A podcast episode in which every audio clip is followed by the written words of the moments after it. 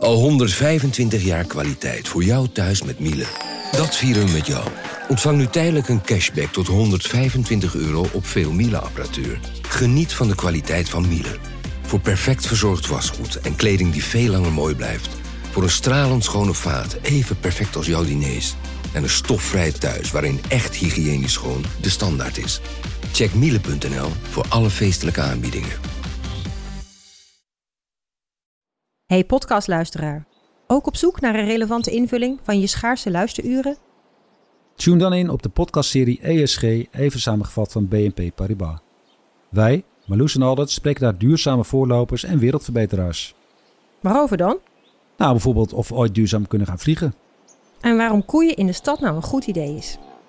Dat en meer elke twee weken in een nieuwe aflevering. Dus abonneer je. ESG, even samengevat.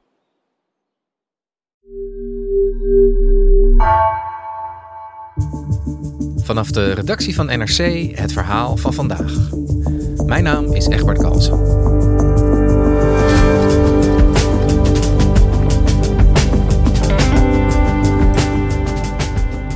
Met je stem voor de Tweede Kamerverkiezingen geef je ook de sleutel van het torentje aan de toekomstige premier van Nederland.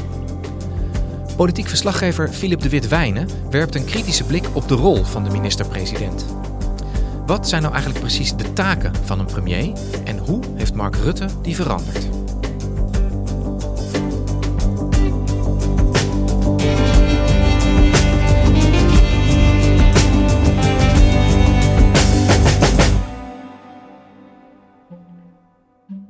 Met nog twee dagen te gaan voor de verkiezingen, komende woensdag, is het onvermijdelijk dat we in, een, uh, in de eindfase van de campagne zitten. Uh, overal kom je campagneteams tegen in, um, op de marktpleinen, bij stations, in de wijken. Uh, overal posters op bushaltes. En de hele tijd op radio en tv. De verkiezingsdebatten vliegen je om de oren. Ik hoop dat u deze week mij verrast, maar ik hou me hard van. Nou, u zult verrast worden. Dit is kletspraat. Nee, nee, nee, heel even mag, mag uitpraten. Elke partij probeert tot op het laatste moment de kiezers voor zich te winnen. Met de grote vraag natuurlijk, wie wordt de grootste partij? Maar ook, wie wordt er na ruim 13 jaar Mark Rutte de nieuwe minister-president van Nederland? Traditioneel zijn altijd de lijsttrekkers van de partijen ook meteen de premierskandidaat. Maar dit keer is ook dat anders, want we hebben Pieter Omtzigt met zijn nieuwe partij Nieuw Sociaal Contract. En hij geeft niet alleen geen duidelijkheid of hij zelf premier wil worden, hij wil ook niet eens noemen wie zijn premierskandidaat is. Ik heb uh, stellige voorkeur om fractievoorzitter te worden. Pieter Omtzigt roept ook de hele tijd dat hij ervan baalt dat de rol van de minister-president zo groot is geworden in uh, ons democratische bestel. Hij wil de macht terug naar de Tweede Kamer. Dat roept de vraag op wat is nu precies de rol van de premier in ons Nederlandse stelsel? En moet je die kwaliteiten van een lijsttrekker dus meewegen in je stem komende woensdag? Ja, Filip, we zitten in de laatste verkiezingsweek. Woensdag naar de stembus, zei jij al. Um, de partij van Pieter Omtzigt, Nieuw Sociaal Contract, die doet het nog steeds best wel goed in de peilingen. En als hij nou de grootste partij wordt, dan is het dus mogelijk dat niet Pieter Omtzigt, maar iemand anders namens die partij premier moet worden. Hoe, hoe uniek is het wat Pieter Omtzigt nu voorstelt? Nou, eigenlijk is het helemaal niet zo uniek. We zijn het gewend nu van, van Rutte en voor Balkenende. De lijsttrekker van de grootste partij wordt de premier. Maar in de vorige eeuw, toen we ook al de huidige grondwet hadden, is het eigenlijk veel vaker anders gegaan. Dat niet altijd de nummer één van de grootste partij de premier werd. Bijvoorbeeld Ruud Lubbers begin jaren 80. Of um, dat niet de grootste partij de premier leverde, zoals uh, Barend Biesheuvel uh, begin jaren 70 uh, van het ARP. Ja, maar de laatste jaren is het dus wel eigenlijk gebruik geworden hè, dat de, de lijsttrekker van de grootste partij ook, ook daadwerkelijk de, de premier levert. Maar dat is dus niet een vereiste. Dat staat niet in de grondwet of zo. Nee, uh, sterker nog, in Nederland wordt de minister-president helemaal niet gekozen. We kiezen komende week Kamerleden, 150 Kamerleden in de Tweede Kamer. En de fracties uit die Kamer, die gaan een kabinet formeren. Die gaan onderhandelen over een, nieuwe, een nieuw regeerakkoord en een nieuw kabinet. En pas in de eindfase van die formatie wordt bepaald wie de ministers worden en dus ook wie de minister-president wordt. En oorspronkelijk kozen de ministers van een gevormd kabinet de voorzitter uit hun midden.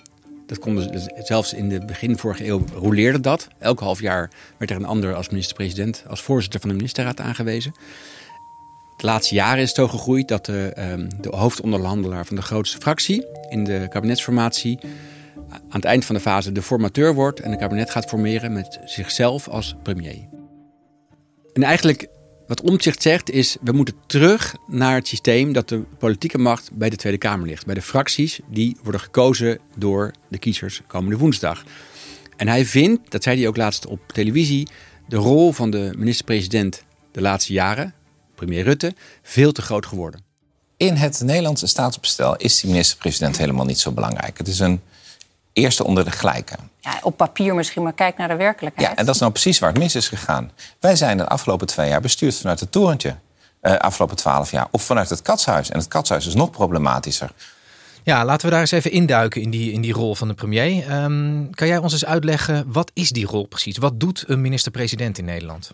Van oudsher is, wat ik net al zei, de minister-president niets anders dan de voorzitter van de ministerraad. Als een primus inter pares. Een eerste onder de gelijken. Een premier heeft eigenlijk uh, twee rollen. Uh, binnenlandse politiek. Hij moet die ministerraad leiden en het regeringsbeleid uitvoeren. En ook zorgen voor eenheid van het regeringsbeleid. En hij heeft een rol in het buitenland. Hij is het gezicht van Nederland in internationaal verband. Binnen de Europese Unie, binnen de NAVO, binnen de G20. En de laatste 13 jaar hadden we dus Rutte in de rol van, uh, van premier van Nederland. Hoe heeft hij die rol ingevuld? Nou, misschien moet ik dan beginnen met zijn buitenlandse rol. Hij is natuurlijk nu vanwege die ruim 13 jaar premierschap in Nederland een van de meest ervaren uh, regeringsleiders in Europa. En die rol die pakt hij ook. Hij heeft echt uh, nou ja, gezag en aanzien gekregen binnen de Europese Unie. Je ziet hem ook altijd bij, uh, ja, bij internationale crisis, zie je hem naar voren stappen om iets te bereiken. Uh, denk aan de migratiedeal met Tunesië afgelopen zomer. Dat was een deal met uh, Ursula von der Leyen, de voorzitter van de Europese Commissie. Met de nieuwe premier van Italië, Meloni, die veel met die migratiestromen te maken heeft. En premier Rutte, die wilde daar gewoon een, uh, een deal maken. I'm really delighted that today here in Tunisia we were able, Tunisia and the European Commission, to sign this MOU, this Memorandum of Understanding. Je ziet hem nu ook veel zich bemoeien met de crisis in Israël en Gaza. En hij is heel erg bezig met de oorlog in Oekraïne. Hij probeert zich te manifesteren als een internationaal leider die uh, veel verder kijkt dan, uh, dan Nederland. Dus de rol van de premier in het buitenland, ja, die heeft Rutte gewoon goed uitgespeeld, zou je kunnen zeggen, de afgelopen jaren. Steeds belangrijker geworden. Hoe, hoe heeft hij dat in het binnenland gedaan? Is, daar, is zijn rol daar ook veranderd? Ja, daar heeft hij ook een, echt een duidelijke invulling gegeven van de leidende rol van de premier. Zowel op, op microniveau, je hebt de wekelijkse ministerraad in de Trevenzaal op zijn eigen ministerie van Algemene Zaken. Hij speelt er dus een thuiswedstrijd. Daar heeft hij eigenlijk allerlei, ja, noem het trucjes. Hij, sowieso heeft hij de macht om de agenda te bepalen van die vergadering. Die wekelijkse vergadering, hij kan punten afvoeren en hij kan punten erop zetten. Dat is niet onbelangrijk. En hij kan bij het uh, leiden van een vergadering in een bepaalde volgorde de andere bewindspersonen de, de, de, beurt geven. Wat vind jij ervan? Wat vindt u ervan? Ze, ze elkaar. En ik heb wel eens begrepen dat hij in het kabinet Rutte 3 bij lastige punten altijd het rondje linksom deed, omdat er links van hem drie VVD'ers zaten. Uh, drie VVD-bewindspersonen. Waardoor hij wist, dit punt, daar krijg ik dan wel de eerste steun mee. En op um, groter niveau, uh, voor het land veel zichtbaarder en belangrijker, zijn natuurlijk de, echt de grote crisismomenten geweest uh, die Rutte heeft moeten leiden. Denk aan de aanslag op MH17 en vanaf 2020 de coronacrisis. Daar heeft hij nou ja, crisismanagement moeten voeren, waardoor hij macht naar zich toe kon trekken. En waardoor hij ook veel zichtbaarder kon zijn als de leider van het land. Denk aan de twee televisietoespraken die hij heeft gehouden. De eerste in maart 2020, aan het begin van de pandemie. De opgave waar we voor staan is heel groot. En we moeten dit echt met 17 miljoen mensen doen. Samen komen we deze moeilijke periode te boven. Later dat jaar in december er nog, hield hij er nog een. Toen de, uh, de strenge lockdown werd ingevoerd met, de avondklok. En dat was echt vrij uniek, want dat waren de eerste tv-toespraken tot het land sinds Joop den El dat deed in 1973 bij de oliecrisis. Rutte vond het nodig om het land toe te spreken, omdat er ingrijpende maatregelen voor de bestrijding van de pandemie nodig waren. Denk aan uh, de lockdown en de, en de avondklok. En hij wilde dat persoonlijk toelichten. Dat was uh, zeg maar bestuurlijk nodig, maar ik denk ook dat het voor hem persoonlijk belangrijk is geweest om zich te, te, te afficheren als een, um, als een leider van het land, als een staatsman. En dat die laatste tv-toespraak niet ver voor de verkiezingen waren van 2021, was niet ongunstig. Maar daarvan zou je nog kunnen zeggen dat hij uh, het toeval uh, in zijn voordeel heeft weten te wenden. Zijn er nou ook nog andere voorbeelden te vinden waarin je ziet dat Rutte die macht van het premierschap heeft uitgebouwd binnenlands? Nou ja, we, vrij recent hebben we gezien um, in de zomer dat uh, Wopke Hoekstra, de minister van Buitenlandse Zaken, werd benoemd tot eurocommissaris. Als opvolger van Frans Timmermans, die hier nu lijsttrekker is voor GroenLinks PvdA. Dat was op zichzelf is dat een kabinetsbesluit om iemand voor te dragen in Brussel. En Rutte zag aankomen dat het een lastige discussie werd binnen zijn kabinet, zijn demissionaire kabinet. Want D66 wilde ook wel dat Sigrid Kaag die rol zou krijgen. En hij heeft dat toen bedacht, um, ik ga dat zelf beslissen. Hij heeft het naar zich toe getrokken, want hij uh, vond dat hij die macht had. En toen werd het Hoekstra. Maar de grootste kwestie, waar je omzicht nu ook over hoort, uh, hoort klagen, was het coronabeleid zelf. Het, crisismanagement in de jaren uh, 2022. Uh, We herinneren ons nog het Katshuisberaad. Daar ging Rutte met een aantal winstpersonen en adviseurs in het Katshuis zitten. Dus niet de ministerraad op vrijdag waar iedereen over mee kan spreken. En zeker niet in de Tweede Kamer. Daar, hebben, daar heeft het smal deel van het kabinet ingrijpende en hele kostbare maatregelen genomen. Waar de Tweede Kamer pas nadien, maanden later, over kon beslissen. En Omtzigt riep laatst had hij uitgerekend dat het wel om uh, beleidsmaatregelen gingen die wel 40 miljard euro hadden gekost. En die besluiten die nam Rutte uh, zeg maar in de beslotenheid van in dit geval het katshuis. Hij werd dus eigenlijk steeds meer een, een, een leider en steeds minder die eerste onder zijn gelijk, hè, zoals jij het noemde.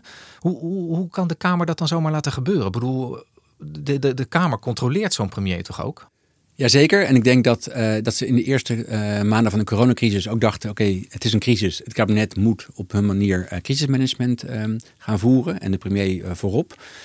Maar ze hebben eigenlijk ook in andere kwesties heeft de Kamer de rol van Rutte juist ook wel groter gemaakt. Denk aan de, het toeslagenschandaal, denk aan het Groningse aardbevingsdossier. Dat zijn dossiers waar vakministers over gaan, of staatssecretarissen. Steeds als er iets in het nieuws kwam, dan was het de Tweede Kamer die zei: We willen premier Rutte horen. Die moet zich hiervoor verantwoorden en niet per se de staatssecretaris. De premier heeft zich daarover uitgesproken in het uh, openbaar misschien, maar hij moet zich hier verantwoorden. En niet uh, in de laatste plaats was het vaak Pieter Omtzigt die Rutte naar de Kamer riep. Dus het is ook, dus het is ook de Tweede Kamer geweest die die politieke rol van uh, de premier, van premier Rutte, veel groter heeft gemaakt. Hey, en wat ik me afvraag, Filip, is dit nou echt aan Rutte toe te schrijven? Of zag je die trend van een steeds machtiger premier binnen de ministerraad eigenlijk ook al langer? Nou, ik denk dat de, de rol, de, de grotere zichtbaarheid van de premier natuurlijk al iets is van de laatste decennia. Eigenlijk sinds de, de, de wekelijkse persconferentie op vrijdag. Dan heeft hij gewoon uh, drie kwartier uh, exposure naar, uh, naar journalisten. En die beelden die worden uitgezonden. Dat was ook al zo onder Wim Kok en onder Jan-Peter Balkenende. Dus ook in eerdere uh, periodes heeft de Tweede Kamer altijd wel de premier naar de Kamer willen halen voor, uh, bij lastige kwesties. Denk ook aan de, aan de bankencrisis waar uh, Jan-Peter Balkenende zich voor moest verantwoorden. Ja, die grotere rol voor de persoon van de premier, dat zie je dus niet alleen in de Kamer, maar ja, dat zie je volgens mij ook al best wel een tijdje terug in de campagnes. Ik herinner me de slogan van het CDA, laat Lubbers zijn karwei afmaken, hè, toen hij herverkozen wilde worden. Um, Wim Kok, toen hij Paars 2 wilde vormen. Kies Kok, dat was ook al heel erg op de man. Ja, dat is echt al langer aan de gang. Dat heeft ook te maken met dat de campagnes natuurlijk veel meer uh, uh, ja, maar televisiecampagnes zijn. Um, en ik zie wel een verschil dat, dat Rutte echt wel gedijt in die rol. Rutte is, is een grote uh, communicatieman. Die vindt het prachtig om uh, veel met zijn kop op televisie te zijn en een campagne te voeren. Dus die rol ligt Rutte veel beter dan, ik zou denken, Balkenende en Kok die jij hebt meegemaakt. En Pieter Omzicht wil dus dat het allemaal weer anders wordt. Tenminste, gisteren zei hij ineens dat hij onder bepaalde voorwaarden misschien toch premier wil worden. Hè? Maar zijn voorkeur blijft nog steeds om in de Tweede Kamer zitting te nemen na de verkiezingen. Hoe, hoe ziet hij dat precies voor zich? Nou, de, de, de kern van zijn, van zijn um, veranderingsdrang is dat de, politieke macht terug naar de Tweede Kamer moet. De Tweede Kamer wordt verkozen komende woensdag. Daar wordt uh, de beleidsplan gemaakt voor de komende vier jaar. En de Kamer moet dat bedenken en het kabinet moet eigenlijk dat maar uitvoeren. En dat kan ook bijvoorbeeld met een minderheidskabinet, uh, waardoor je niet van tevoren al kan leunen op een comfortabele meerderheid, maar moet je steeds bij elk beleidspunt je, je meerderheden verzamelen, ook bij oppositiepartijen. Dat vindt Omzicht heel belangrijk, waardoor de rol van het kabinet en vooral van de premier kleiner wordt. Ja, echt bestuurlijke vernieuwing uh, zou je dat wel kunnen noemen als dat allemaal lukt. Stel nou eens dat Omzicht inderdaad uh, een, een, een, grote machtsfactor wordt. Stel eens dat hij de grootste wordt komende woensdag. Dan is hij aan zet. Hoe, hoe, hoe gaat het er dan uitzien wat hem betreft? Ik denk dat hij dan nog steeds niet uh, zal willen zeggen of hij dan uh, premier wordt. Het is ook helemaal niet nodig, want hij zal dan het initiatief moeten nemen voor de kabinetsformatie die dan vanaf donderdag gaat beginnen. Uh, er komt een verkenner, ze praten met de Kamervoorzitter en dan zullen ze in, um, nou ja, uiteindelijk in een groepje partijen bij elkaar gaan zitten om te gaan praten over een nieuw regeerakkoord. En Omtzigt zal die onderhandelingen zeker zelf willen doen. Hij heeft natuurlijk ook heel veel kennis van, van begroting en van, en van belastingen, dus niet onbelangrijk. En uiteindelijk wil hij denk ik eerst een inhoudelijk regeerakkoord zien te sluiten. En pas daarna die vraag beantwoorden wie moet dat dan gaan uitvoeren in een nieuw kabinet. Ik denk dat wel de druk toeneemt om uiteindelijk met een premierskandidaat te komen. En of hij dat zelf dan wil doen of niet. Ik denk dat het klopt wat hij heeft gezegd. Dat hij toch liever zelf in de Kamer blijft. Want hij is toch eerder een parlementariër dan een, eh, dan een bestuurder. Ja, en, en vroeger vertelde je aan het begin, kwam dat heel vaak voor, maar tegenwoordig eigenlijk bijna nooit meer. Kan je het nog wel maken naar de kiezer toe? Dat jij de lijst trekt en vervolgens niet uh, de, de, de premier wordt? Ik denk dat het, uh, dat het staatsrechtelijk uh, niet erg is. Dat het juist misschien ook wel goed is. Ook democratisch misschien wel beter. Dat je als, um, als lijsttrekker de belofte hebt van jouw verkiezingsprogramma. En daar beter zicht en controle op hebt in, vanuit de Kamer. Dan dat je in het kabinet je moet conformeren aan dat regeerakkoord. Dat moeten fractieleiders in de Kamer ook wel. Maar die hebben echt iets meer vrijheid om hun eigen politieke kleur te laten zien. En die kunnen ook wat makkelijker kritisch schieten op, uh, ja, op beleidsmaatregelen van uh, het kabinet. Aan de andere kant denk ik dat heel veel kiezers toch ook behoefte hebben aan, aan leiderschap. Aan iemand die zichtbaar leiderschap toont, uh, verantwoordelijkheidsgevoel heeft, gezag heeft. Ik denk dat heel veel kiezers die het nog niet weten, woensdag in het stemhokje ook zullen bedenken: is de partij waar we op gaan stemmen en de lijsttrekker daarvan, is dat een toekomstige premier waar ik ehm, vertrouwen in heb. En, en dat is belangrijker misschien nog wel dan de inhoud? Ik denk niet dat heel veel kiezers allemaal alle verkiezingsprogramma's uh, van A tot Z hebben gelezen. En onwillekeurig, of misschien ook wel willekeurig, zullen nadenken over die vraag: wie wordt onze nieuwe premier na 13 jaar Rutte? Ik zou, ik zou denken dat juist door die, door die uh, toegenomen rol van de premier die we de afgelopen jaren hebben gezien onder Rutte, het nu voor kiezers um, ja, toch ook belangrijk maakt uh, bij de keuze uh, op welke lijst en welke lijsttrekker. Welke premier wil ik straks in het torentje zien waar ik vertrouwen in heb? Wat ook voor uh, sommige kiezers een rol kan spelen is... kan Nederland de eerste vrouwelijke premier krijgen... met lijsttrekker Dilan Jezielgus van de VVD. En ook de eerste premier met een migratieachtergrond. En die kwestie van die vrouwelijke premier speelde twee jaar geleden... een hele grote rol in de campagne van Sigrid Kaag, toen lijsttrekker van D66. Nu hoor je dat eigenlijk niet terug. Maar die vraag is wel reëel met deze vrouwelijke lijsttrekker van een grote partij. Dankjewel, Filip. Graag gedaan.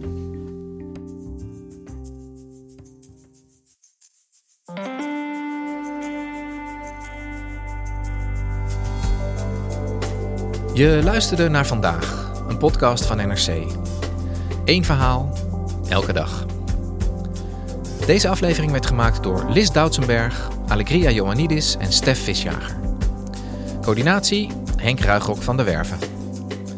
Dit was vandaag. Morgen weer.